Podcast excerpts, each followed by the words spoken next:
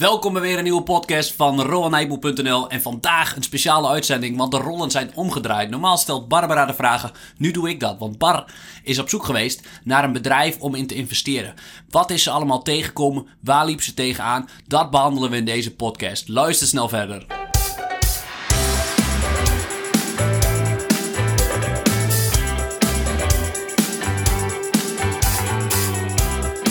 Ja, welkom bij deze hele speciale aflevering. Mijn naam is Barbara. ik ben Rowan, ik ben Rowan. Mooi, jij hebt er zin aan hè? Ik heb er heel veel zin aan. Ik heb hier heel hard voor gewerkt. Mooi, want je hebt een uh, reis gemaakt. Ja, een online onderzoeksreis. Ja. Hoe was dat? Uh, veel dingen tegelijk, verwarrend. Het was ook leuk. Het was ook veel zoeken, veel lezen. Dus uh, ja, ik twijfel niet aan dat het superleuk was. Want dat is, eh, het is hartstikke verslavend als je een bedrijf gaat bestuderen. Ja, ik zat er af en toe wel, dan moet ik oprecht toegeven, ik zat er af en toe echt goed in. Dat ik gewoon erin opging en dacht, oh nou, nu wil ik dit nog weten en dat nog even zoeken. En uh, ja.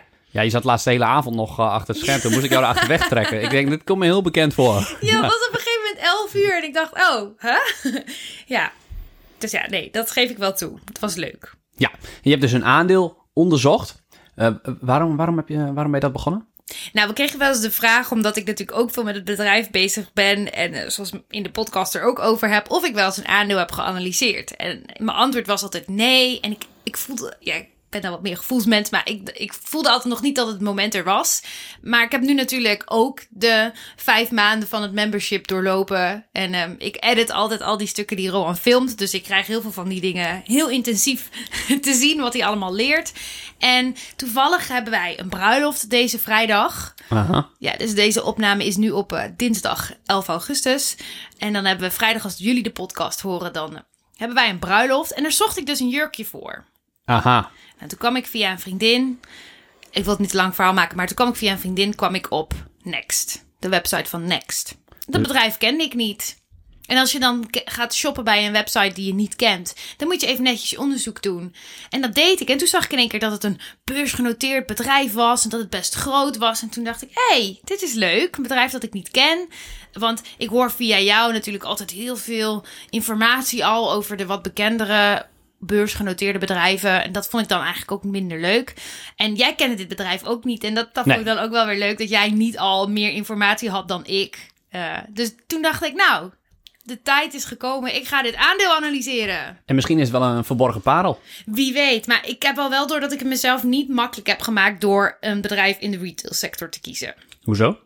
Nou, veel concurrentie, lastige omstandigheden en vooral heel lastig om je echt te onderscheiden van de, van de concurrentie die er dus heel veel aanwezig is. Oké, okay, daar, daar, gaan we vast later op in. Dit is geen advies uh, voor het aandeel Next? Of, nee. Uh, nee, nou alsjeblieft neem met een korreltje zout wat ik zeg. Want dit is mijn eerste analyse en ik weet zeker dat die uh, onvolledig is. Het gaat om de reis. Ja, het gaat om hoe ik het heb gedaan en waar ik tegenaan ben gelopen. En misschien kan ik dan een luisteraar helpen die uh, ook dit pad aan het bewandelen is. Ja, en jij gaat als beginner laten zien waar je tegenaan gaat lopen. Ja, hoe ik ja. dat heb gedaan en waar, waar ik dan tegenaan liep. Even, even voor de transparantie, ben je echt beginner? Beschouw je jezelf als beginner? Nou ja, ik, ik kijk natuurlijk al een jaar lang intensief met jou mee hoe je dat doet. En ik ben bij je masterclasses aanwezig. Dus ben ik echt beginner?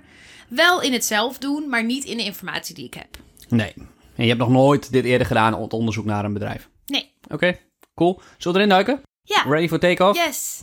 Het bedrijf heet dus Next, zei je? Ja. Even kort, wat is Next? Ja, Next is een UK fashion brand. En zit dus vooral ook in de UK. Daar hebben ze ook heel veel fysieke winkels. Daar zijn ze echt gewoon een winkelketen. Um, en daarnaast hebben ze een online platform. En ook een online platform waarop ze third brands verkopen. Third party brands, sorry.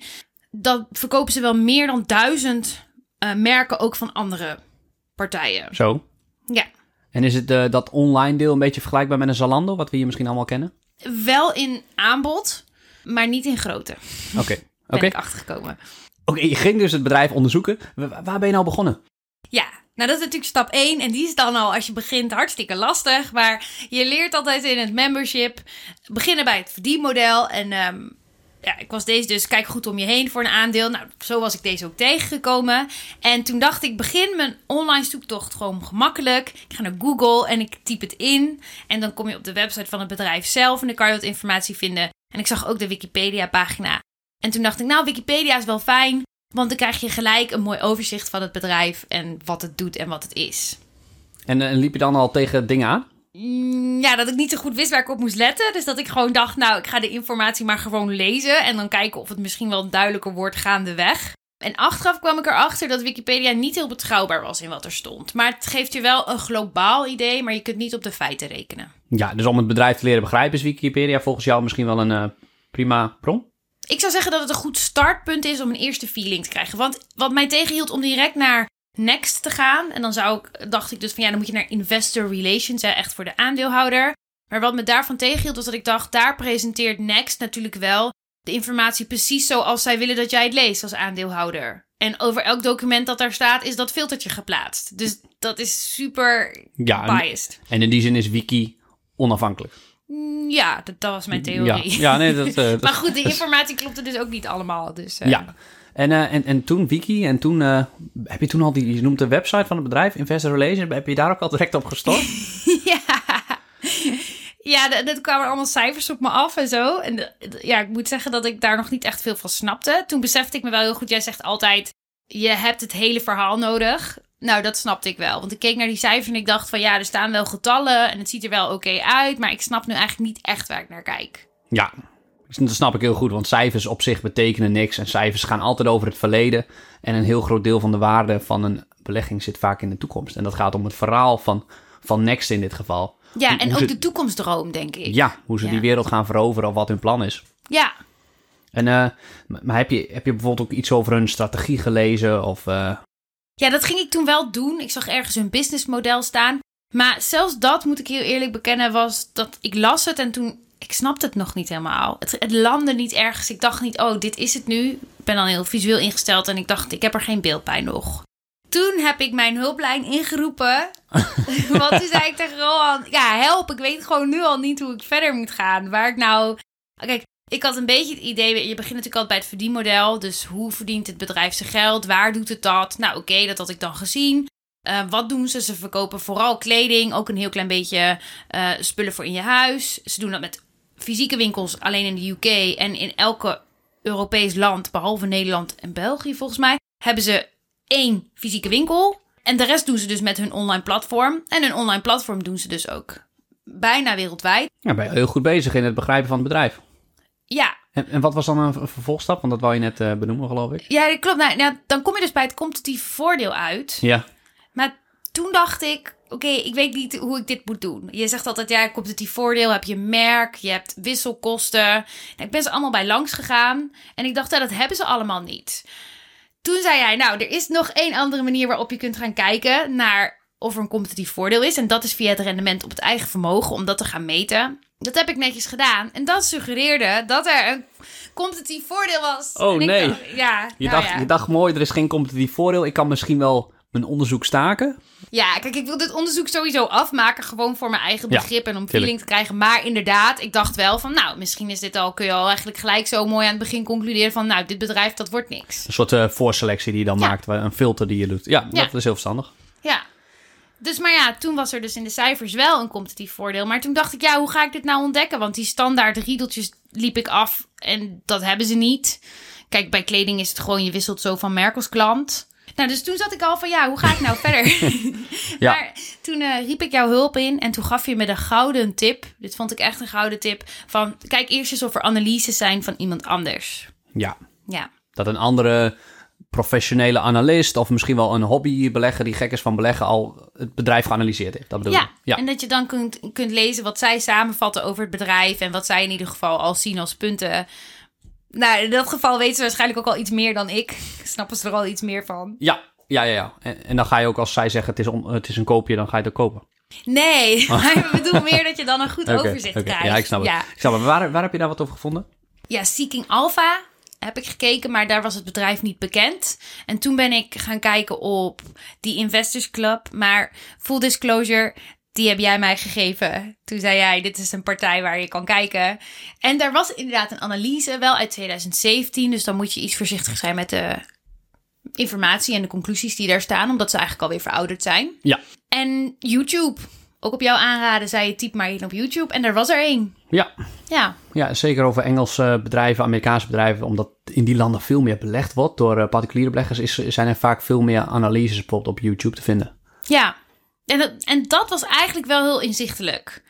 Uh, en vooral die analyse op de Investors Club, daar stond zoveel in. En toen kreeg ik echt wel meer grip op het bedrijf en wat het doet en hoe het in elkaar zit en hoe het in de markt ligt en wat zijn sterke en zwakke punten zijn. Ja, nee, ik ben het helemaal met je eens. Zulke, zulke analyses helpen heel goed om het bedrijf echt te begrijpen en, uh, en die sterke en zwakke punten, ja. Ja. Goed bezig, man. Ja. nou, want toen ging ik dus weer terug naar de cijfers. Kijk, de eerste keer dat ik naar die cijfers keek, toen keek jij over mijn schouder mee. En toen trok jij er al allemaal conclusies uit en die zag ik echt niet. En dat is dan denk ik ook toch echt mijn onervarenheid. Dat, dat ik zat zo, ik moet het zelf doen, ga weg. maar ja, ja ik ja. zag dat gewoon niet. Maar toen ik daarna terugging naar wat cijfers, toen snapte ik in één keer wel wat er stond. En Ja? toen kon ik het interpreteren van, oh ja, die dingen die ze dan zeggen waar ze mee bezig zijn, die zie je dan ook in de cijfers terugkomen. Kan je daar een voorbeeld van uh, geven?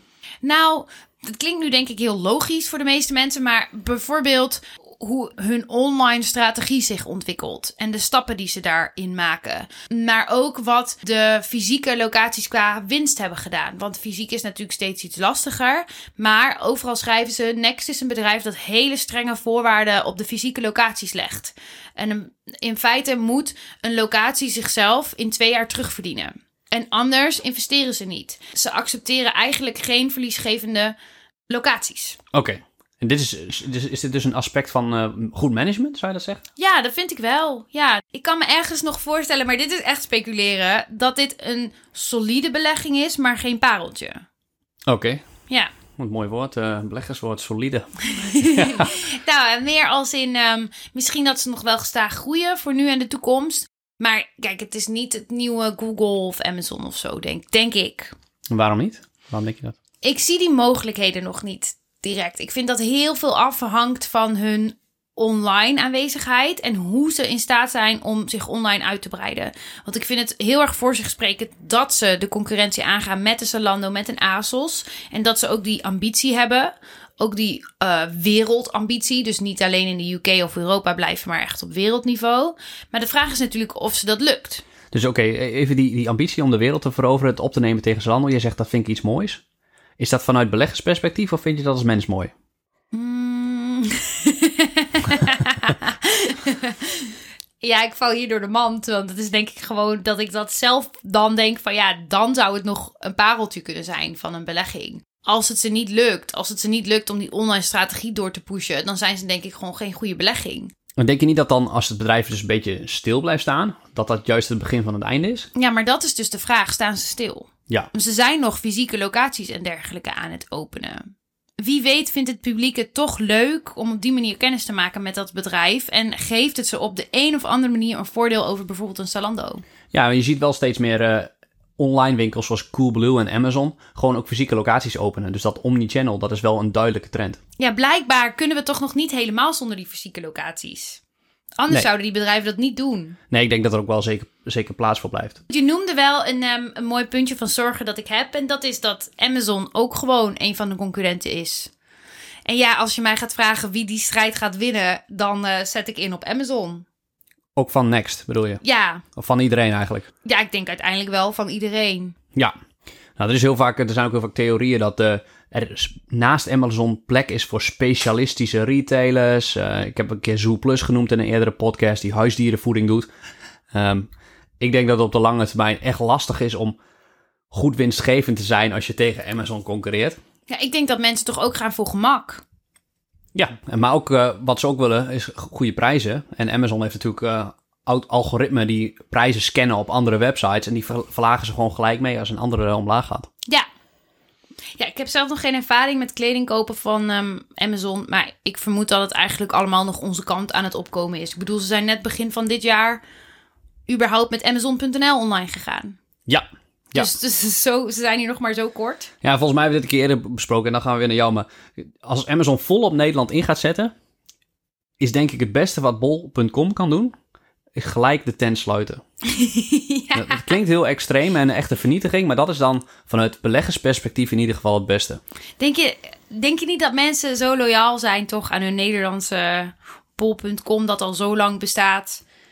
Dat Nou, dat nog wel een kluif is voor Amazon? Ik, ik, ik denk het niet. Ik denk dat eh, je zou kunnen zeggen, onze nationale trots, bol.com, daar gaan we allemaal kopen. Maar uiteindelijk krijg je een soort van speltheorie. En gaan toch mensen als een, als een boek wat goedkoper is, als een shirt wat goedkoper is op Amazon, gaan ze toch, eh, gaan ze toch schuiven. Ja, dus dat is prijs toch leidend. Nou ja, ik denk dat we niet te lang erop door Nee. moeten gaan. Maar ik vind het dus ook met kleding. Kijk, ik ga gewoon van Zalando naar ASOS, naar Next. Ik hop gewoon door naar, naar daar waar het me het beste bevalt. Als ik mijn jurkje ergens niet vind, ga ik naar de volgende. Ja, dat vind ik heel mooi dat je het opbrengt. Want als je het hebt over de retail sector als algemeen. Wie, wie heeft de macht? Wie heeft de macht? Ja, de klant. De klant, de consument. En vanuit beleggersperspectief in die bedrijven is dat heel lastig. Ja, want je bent dus altijd bezig met die, met die klant pleasen. En die Ja. klant lokken. Ja. En, en dat kost je tegenwoordig eh, steeds meer geld. Omdat als je dat via social media doet, waar heel veel van de klanten zich bevinden, dan ben je weer aan het betalen aan Facebook, aan Google, weet ik het wat. Ja, dus je concurreert niet alleen tegen Amazon, maar ze concurreren eigenlijk zijn afhankelijk van Google en Facebook om klanten te bereiken. Ja, Ja, dat klopt. Want Zalando heeft de strategie om gewoon keihard te groeien en eh, eh, weinig winst te maken. Alles investeren in marketing Jij en dan die daar naam wel zo van, bekend op. Ja, ik hou daarvan. Ik, ik, vind het, ik vind het vervelend als een bedrijf wat online actief is, in de retail bijvoorbeeld, hele hoge winsten maakt. dus eigenlijk moet ik eh, nu na Next eh, naar Zalando verschuiven. Eh, ja, dat, dat zou ik eerder dan aangaan. Ik denk dat die eerder een, vuist kunnen maken tegen Amazon, omdat die een stuk groter zijn. Hmm, dat vind ik niet passen bij je bol.com-theorie. Ja, ik zou ook geen aandelen Zalando kopen. Ja, goed. En hoe ben je verder gegaan? Of waar ben je nog tegen aangelopen?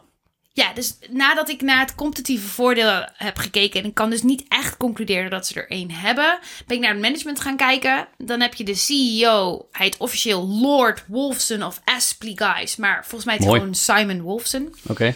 En hij is bij het bedrijf gekomen in 1991 en CEO geworden in 2001. Oké. Wat toen heel opmerkelijk was, want hij was toen nog maar begin 30... Ah. Ehm, maar hij is dus wel al die tijd al ehm, bij het bedrijf. En ook al heel lang CEO. Daar hou jij altijd van. Als ze lang eh, onder zijn teneur las ik ergens, maar ik heb het niet geverifieerd. Is het aandeel wel 900% gegroeid. Dus dat is heel goed geweest voor aandeelhouders dat hij aan het roer staat. Dat is knap. Ja. En er is ook een CFO die al heel lang bij het bedrijf is. Eh, Dat is een vrouw, Amanda James. Zij is in 1995 bij het bedrijf gekomen en sinds 2015 CFO. Dus ook al gewoon meer dan 20 jaar, 25 jaar bij het bedrijf. Dat doen ze dan blijkbaar toch wel iets goed. De CEO schijnt skin in the game te hebben. Want ik las verschillende berichtgevingen. Maar hij heeft ergens tussen de 60 en de 100 miljoen pond in het bedrijf zitten. Skin in the game. Ja, ik gebruik echt al van die beleggersbegrippen. hè. Skin in the game. Ik vind het ook wel een hele mooie titel, Skin in the Game. Ja. Ja. Oké. Maar dus, goed. Dus allemaal eh, groene vlaggen op het gebied van management, als ik dat goed begrijp. Ja. Oh, en ik heb ook nog wat nieuws geleerd. Dat vind ik dan wel leuk om te delen. Ik bleef namelijk maar LFL tegenkomen. LFL Sales, LFL Growth. En ik dacht, nou, oké, ik moet toch maar eens opzoeken wat het dan is. Dus voor degene die nu luistert, dat is like for like. En dat is een manier om in de retail te meten hoeveel groei er daadwerkelijk is geweest. Maar dan aangepast voor eventuele nieuwe winkels die zijn erbij zijn gekomen of juist winkels die zijn dichtgegaan. Daar is dan voor gecorrigeerd, Ja. zodat je echt kunt vergelijken met andere jaren. Ja, dat is een geschone basis. En dat is een, bij beleggen ben ik altijd op zoek naar een paar kerncriteria. En in de retail sector is dit er zeker een. Want die bepaalt het succes van een winkel. Of je in een jaar in dezelfde winkel het volgende jaar meer verkopen kan realiseren. Oké, dus dat is een, en ik heb al een basis iets geleerd. LFL, like for like growth. Ja, heel goed. ja, En eh, ik wil nog even terugkomen op management. Want je zegt eigenlijk, ze zijn heel goed bezig met dat, die eisen stellen aan die winkels. Dat die een bepaalde winstgevendheid moeten hebben.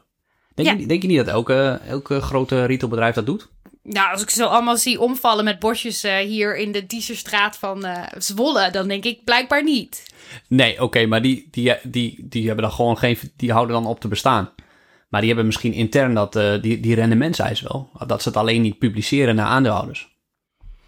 En Als dat, al die bedrijven toch winstgevend zijn, dan ga je toch niet failliet?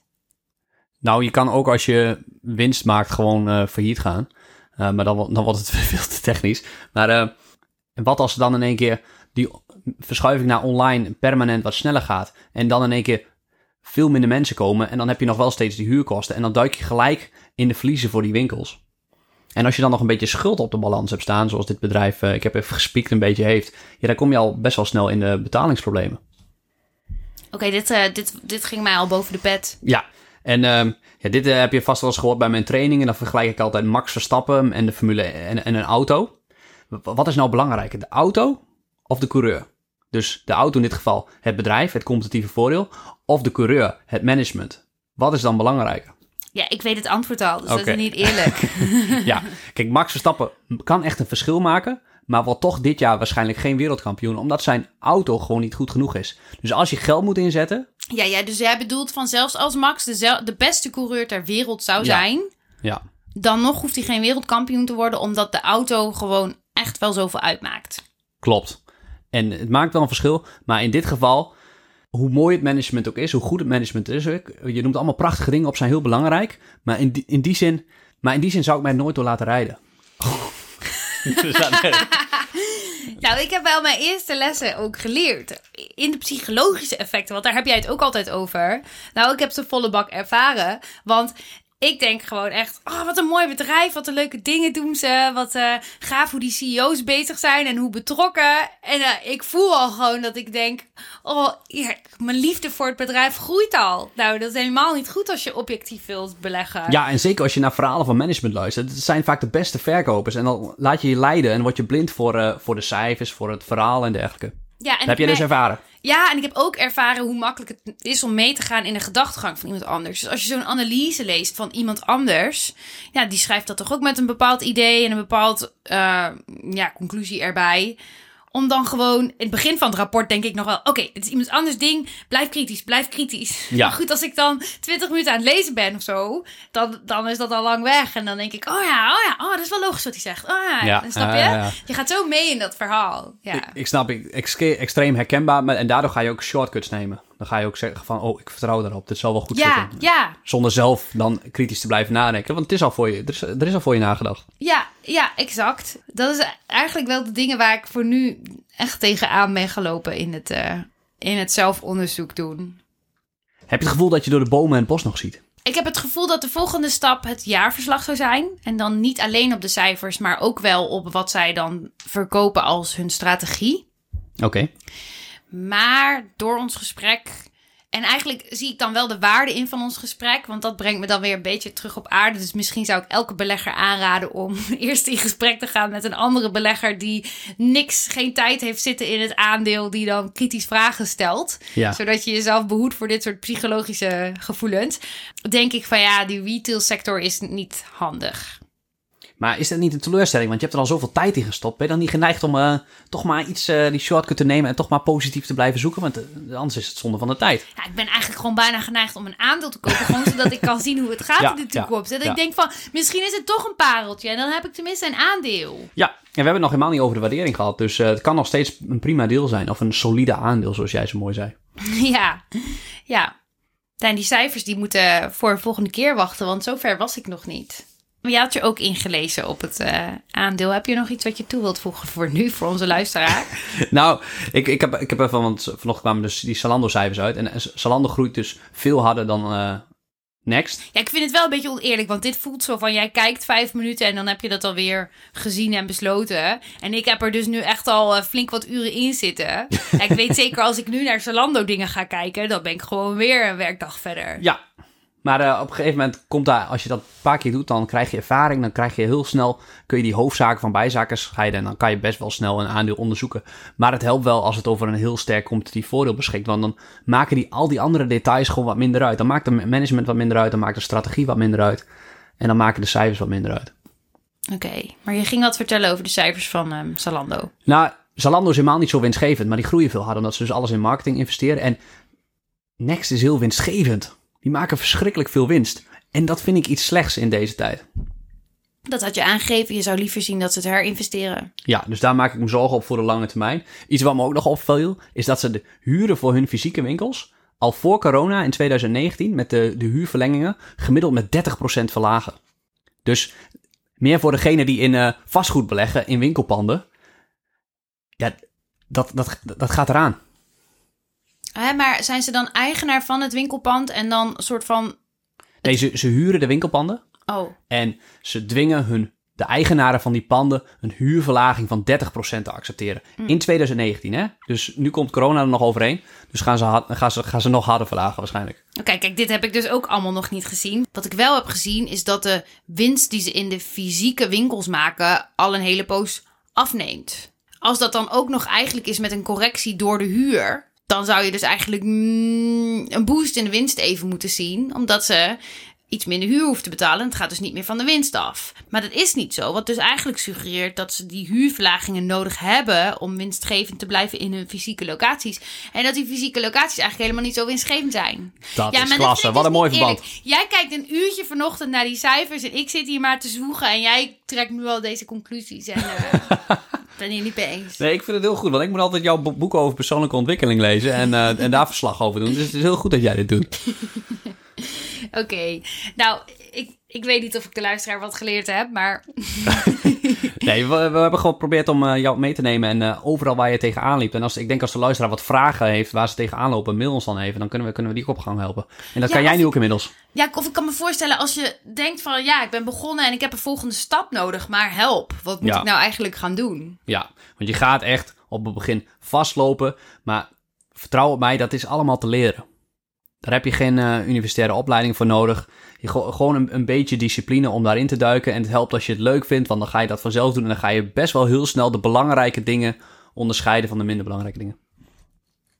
Oké, nou, volgens mij zijn we nu bij het einde gekomen van deze podcast. Ik hoop dat je er iets aan gehad hebt. Volg ook vooral Roan op Instagram, want daar zie je mij het vervolg van mijn aandeelanalyse Ja. eh, doen. En ehm, onthoud, er is nog steeds de mogelijkheid om je aan te melden voor het membership. En daarvoor gebruik te maken van de podcastkorting van 15% op de early bird korting. Dus dat is een dikke korting. En eh, echt waar voor je geld. Ja, dus wil je graag feedback op je aandelenanalyse, zoals ik vandaag kreeg, maar dan nog wat intensiever.